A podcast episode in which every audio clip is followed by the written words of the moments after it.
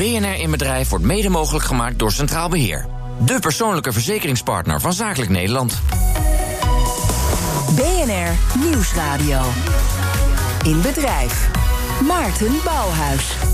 BNR in Bedrijf kijkt achter de schermen en legt het geheim van de ondernemer bloot. Deze week zijn we bij Bureau voor Beeldzaken in Zeist. Een bedrijf dat vooral wil focussen op kwalitatieve groei... in plaats van alleen maar groeien in omvang en omzet. Dat klinkt mooi, maar hoe doe je dat in de praktijk? Daar ga ik het over hebben met Kim Ravers, oprichter en directeur van Bureau Beeldzaken. Fijn dat we bij jullie in het bos te gast mogen zijn. Goeie plek, hè? Ja, dit is een goede plek. Want om me heen zie ik alleen maar groen in een, in een wat ouder gebouwtje waar je een paar kamers huurt. Wat, wat, wat, is, wat was het voor pandje? Dit is een, uh, dit is een bosschuur in de uh, bossen van Austerlitz. En dit is al van alles geweest. Van een opvang voor veteranen tot. dit was het oorspronkelijke hoofdkwartier van Eckhard Winsen. het is een, een een opslag voor landbouwvoertuigen geweest. En nu is het eigenlijk uh, het, uh, het huis uh, van Bureau voor Beeldzaken en een aantal andere duurzame bedrijven. Ja. ja, en dat heeft voor jou ook een reden om in dat bos te zitten. Daar gaan we ook nog over praten.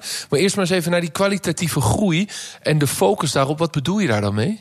Wat ik daarmee bedoel is uh, dat ik niet de nadruk leg op grote, grote, grote winst, winst, winst. Maar dat ik echt kijk van uh, wat, wat willen we met z'n allen bereiken en uh, welke impact willen we maken. En dat we echt die aandacht leggen op de inhoud en daarmee de diepte van het en werk welke, wat we doen. Welke impact wil je dan maken?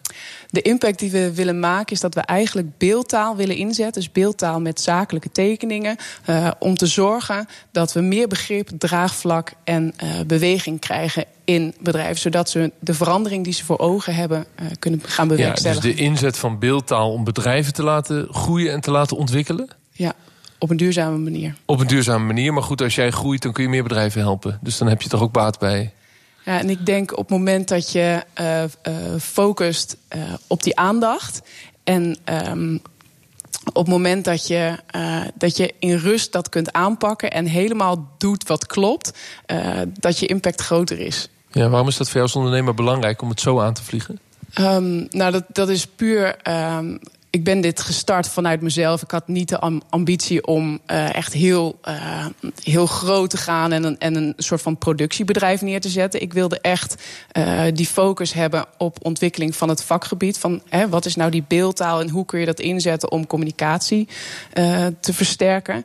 En gaandeweg is dat eigenlijk gaan evolueren en gaan groeien. En ik kwam in 2012, toen ik mijn eerste boek maakte, ook op het punt van hè, wat, wat wil ik nou? Hè? Ik moest uh, naar een honderdtal klanten moest ik afzeggen. Ik dacht, ja, ik kan nu ervoor kiezen om nou, 10, 20 mensen aan te nemen en vol in die productiemodus te gaan. Um, maar dan, dan. En dat heb je toen bewust niet gedaan? Nee. Nee. Dus, ik, ik koos voor, voor de anti-red race, zeg maar. De anti-red race. Nou, daar wil ik straks meer over leren. Ik ga eerst maar eens even stage lopen bij jou in het bedrijf. Waar ga ik stage lopen? Uh, je gaat stage lopen bij Talita Driessen. En zij doet een ontwerpsessie uh, met de gemeente Meijerijstad. We gaan vandaag in een ontwerpsessie van drie uur mij Rijstad uh, helpen om hun zelforganisatie uh, in beeld te brengen. En dat gaan we doen door hun uh, naar de kern te brengen van wat ze precies willen zeggen. En dat gaan we tekenen voor ze. Hey, laten we heel even kijken naar, uh, naar de doelgroep. Want ik, van wat we al hebben besproken, denk ik dat zijn de medewerkers. Maar dat is een aanname, dus dat zijn de medewerkers. Ja, dat is waar. dat zijn onze medewerkers. Oké, okay, dus dat is de doelgroep. En um, in welke situatie gaan zij gebruik maken van deze plaat? Of gaan jullie gebruik maken van deze plaat? Hoe gaat deze visual gebruikt worden? Ik denk dat je hem heel breed in moet kunnen zetten. Van, uh, we gaan uh, zelforganisatie in de atelier steeds verder toelichten. Ja. Dus je, hebt, uh, je begint met bijeenkomsten die veel meer gezamenlijk zullen zijn. In Als ik dan de cursusruimte inloop, zie ik vier collega's, ambtenaren van de gemeente Meijerijstad dus. Uit Brabant, fusiegemeente, sinds een aantal jaar. En cursusleider Talita Driessen. Die de ambtenaren helpt met het in beeld krijgen van hun organisatieuitdagingen. En dat betekent dat Talita moet doorvragen, moet doorvragen en moet doorvragen. Ja, ja. Nee, we willen dat het met één mond een, een, één beeld eigenlijk aankomt. En nou, een Ja. beeld hebben we hier straks in die visual. En je gaat het ge- met een gezamenlijk beeld ga je verder in je ontwikkeling naar Ja. eh, het uiteindelijke. Zou je kunnen zeggen dat dat het doel is van jullie visual? Hetzelfde, iedereen hetzelfde beeld Ja, nou, ik over vind dat eigenlijk wel een hele zelforganisatie. Ja. Ja? ja. Hé, wat fijn dit te weten. Talita is duidelijk op zoek naar het doel van de collega's van de gemeente Meijerijstad. Maar wat is eigenlijk hun doel? Ons doel is dat we eh, een, een gezamenlijk beeld gaan krijgen voor onze collega's in, in, nou, in een vis- visual.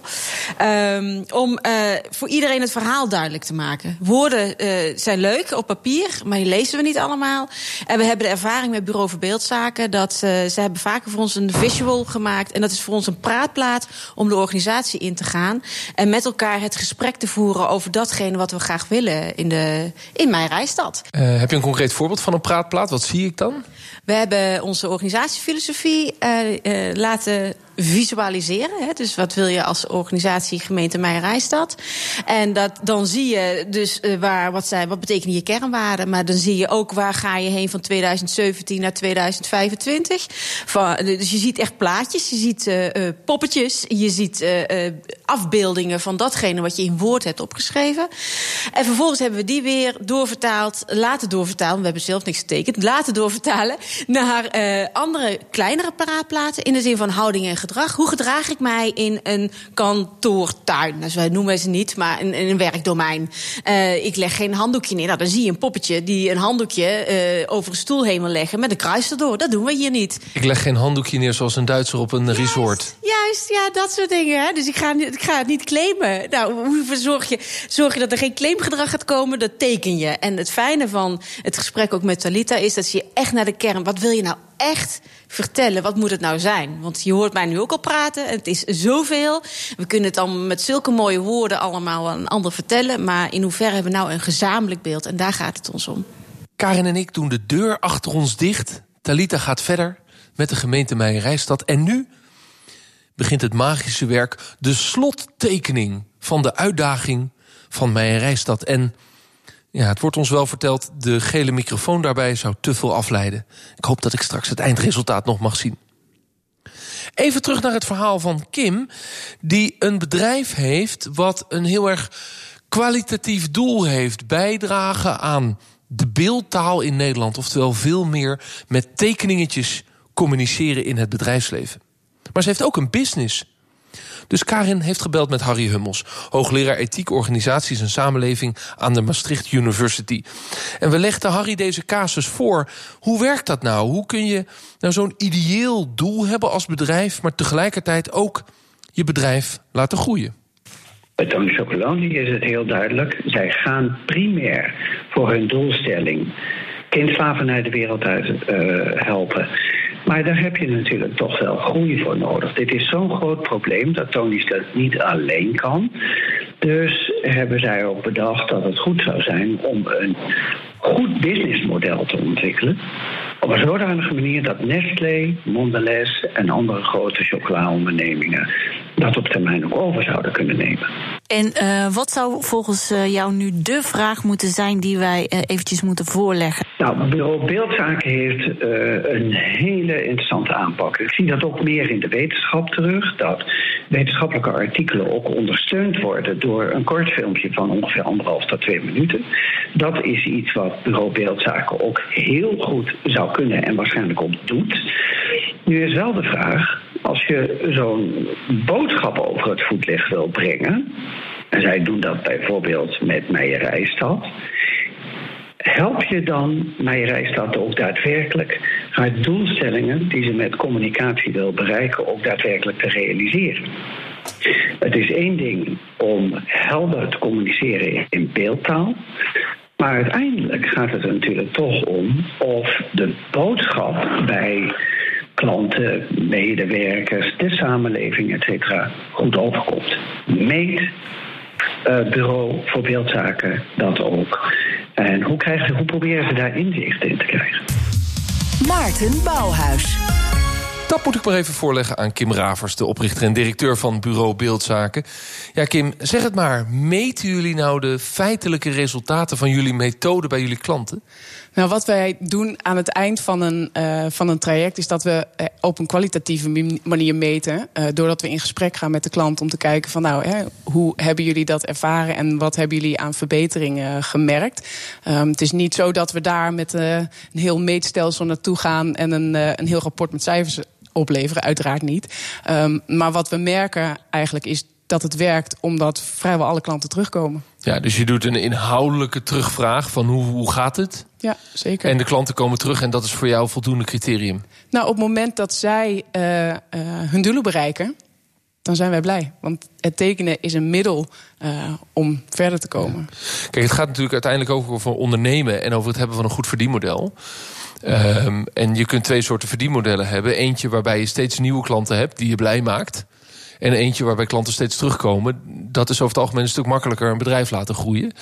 Uh, hoe zit dat bij jou in elkaar? Ik denk dat de nadruk ligt uh, op de laatste. Um, waardoor automatisch die nieuwe aanwas meegaat.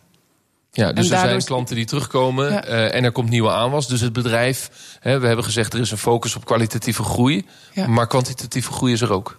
Kwantitatieve groei is er ook. En die zit met name, denk ik, uh, in de academie. Waar wij mensen dus leren zelf die beeldtaal in te zetten. En um, in, in het stuk van onze diensten, waar wij de klanten zelf helpen, heb je dus klanten die continu terugkomen.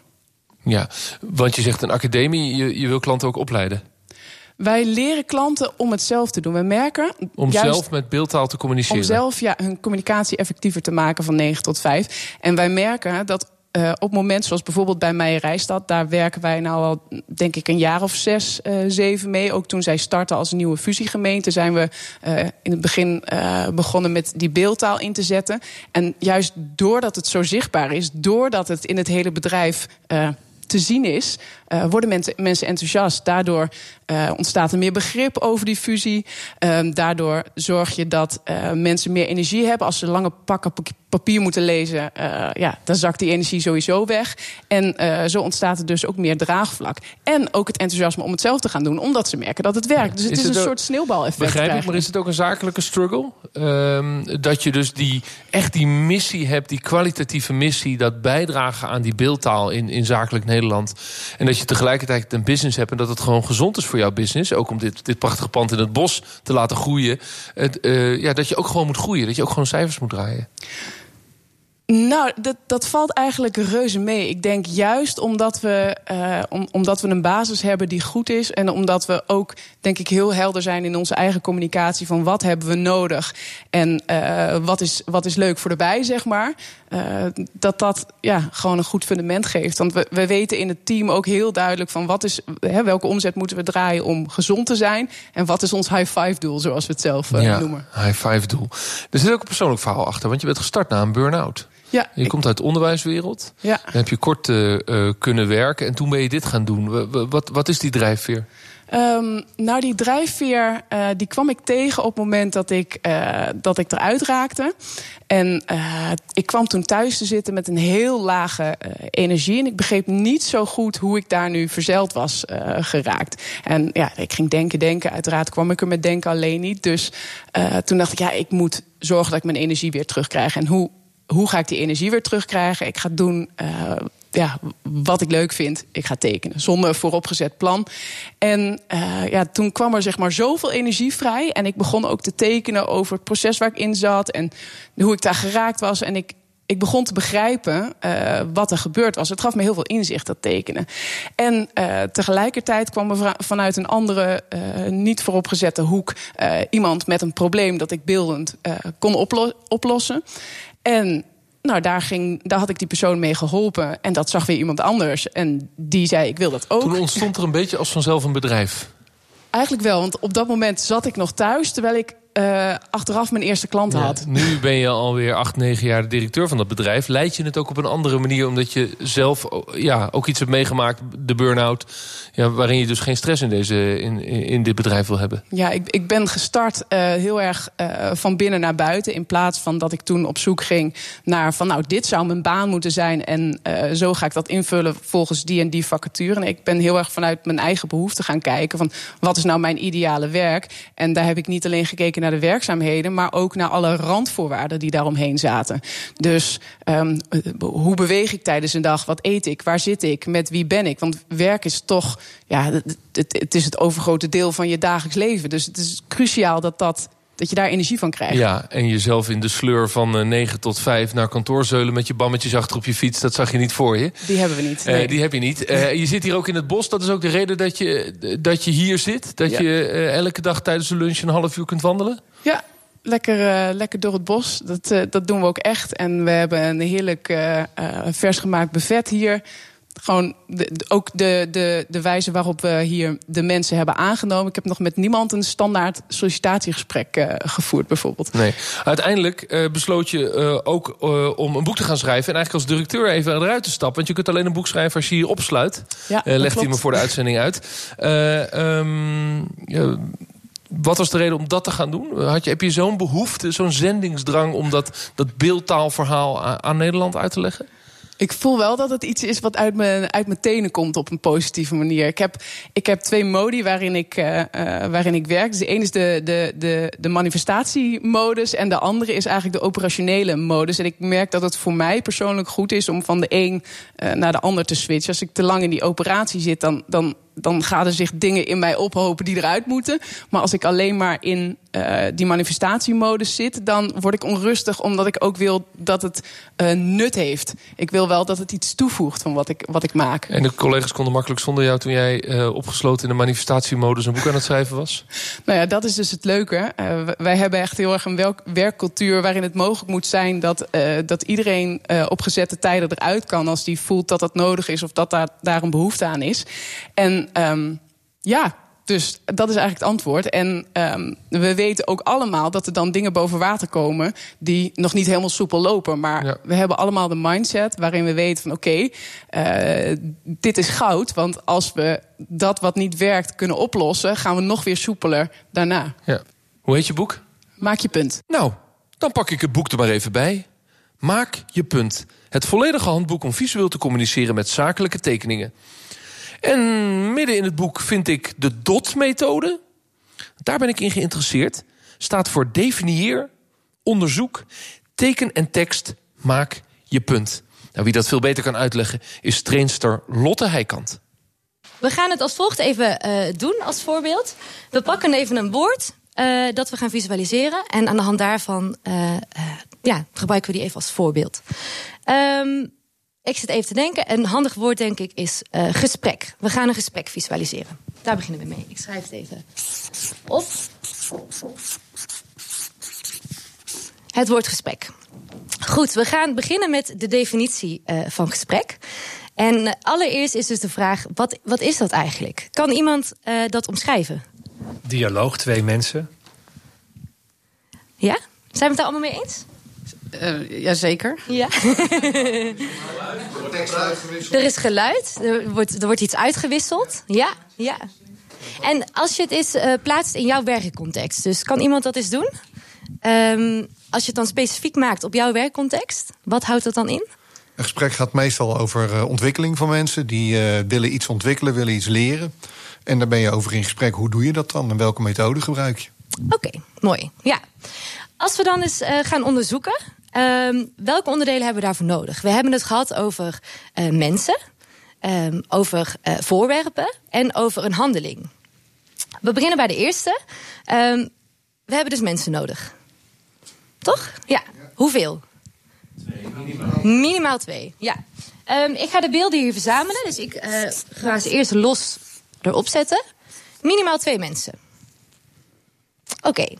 Als we kijken naar um, een voorwerp, hebben we een voorwerp nodig? Een pijl. Een pijl? Om die, Aan twee uh, kanten, uitwisseling. Oké, okay, ja. Ik zet ze neer. Eén pijl de ene kant op, één pijl de andere kant op. Ja, oké. En eh, de handeling? Praten. Tekst die ergens. eh, Ja. Een tekstvolkje, ja. Een tekstvolkje. Check. Ehm, eigenlijk hebben we nu alles verzameld om het woord eh, gesprek te kunnen visualiseren. Dat was leuk, om even bij Lotte Heikant in de training mee te kijken. Ik ga terug naar Kim Ravers, oprichter en directeur van Bureau voor Beeldzaken. En ik blijf zitten met wat ik maar vertaal als een soort rem op groei, op, op, op niet mogen groeien in personeel en omzet. Tony Chocolonely kan alleen maar slaafvrije chocola voor de wereld realiseren als ze ook massa maken. Dus Kim, waarom niet gewoon groot worden? Ik kan me ook niet aan de aandacht onttrekken dat als de klanten erom vragen, dat er ook gewoon weken voorbij gaan dat je gewoon 60 uur aan het knallen bent. Dat valt op zich wel mee. We hebben een eh, werkweek natuurlijk met eh, vijf dagen, maar bij ons is vier dagen fulltime.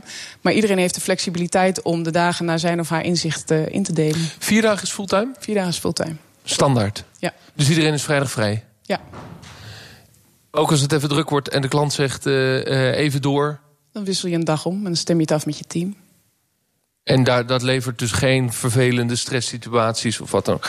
Hoe ziet de toekomst eruit? Ja, die vier dagen zullen wel blijven, maar eh, gaan we doorgroeien? Dan hebben we de, de, het meest fitte team op aarde. Die, mensen die gewoon lekker in hun vel zitten. Dan zitten we op een fijne plek. En ehm, misschien komt er nog één of twee personen bij. Ik, dat, dat wil ik niet vooraf eh, zeggen. Dat kijk ik gewoon in het moment.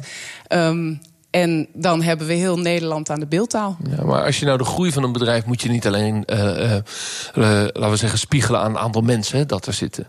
Maar aan de impact die je wil hebben. Je hebt toch een beetje zendingsdrang. Je hebt niet voor niets een prachtig boek gemaakt. Maak je punt. Als dat boek nou gretig aftrek vindt en er komt, komen gewoon steeds meer gemeenten en provincies die, die jou nodig hebben, waarom zou je dan toch niet gewoon opschalen? Omdat ik die focus wil houden op het ontwikkelen. En dat is iets eh, wat ik van binnenuit moet halen. Ook als er een heel goed betaalde opdracht voorbij komt... of er is een consultancykantoor... wat, wat, wat toch allemaal van die papieren tijgers zijn... een van de big four, zoals dat dan heet... die tegen jou zeggen, eh, kom bij ons, word partner... neem je hele team mee, we verdubbelen... en we gaan hier gas op geven. We gaan dit echt groot maken. Doen we niet, we houden eigen autonomie. Is er nog nooit iemand langsgekomen? Een jaar of zes geleden hebben wij zo'n aanbod gehad. En dat heb ik, daarvoor heb ik vriendelijk bedankt. Jij blijft in het bos. Ik blijf in het bos. Dankjewel, Kim Ravers, oprichter en directeur van Bureau voor Beeldzaken. Met wat voor gevoel loop ik hier nou de deur uit? Nou, eh, luisteraar, dat ik eigenlijk een tekening moet maken met de conclusie van deze uitzending van BNR in Bedrijf. En ik teken een landkaart van Nederland. In het midden van die landkaart een groen bos met boompjes. En daar een klein stipje in. En dat stipje is het bedrijf van Kim.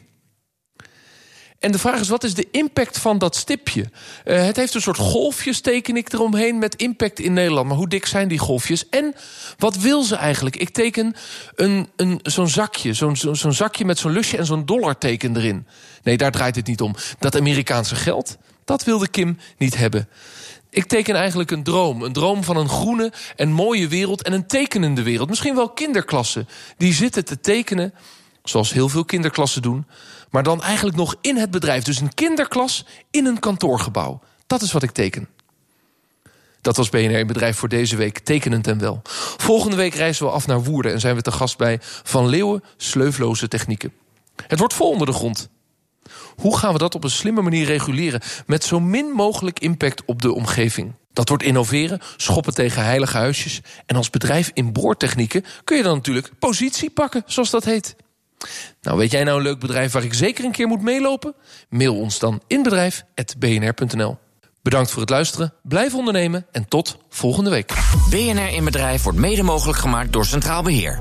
De persoonlijke verzekeringspartner van Zakelijk Nederland.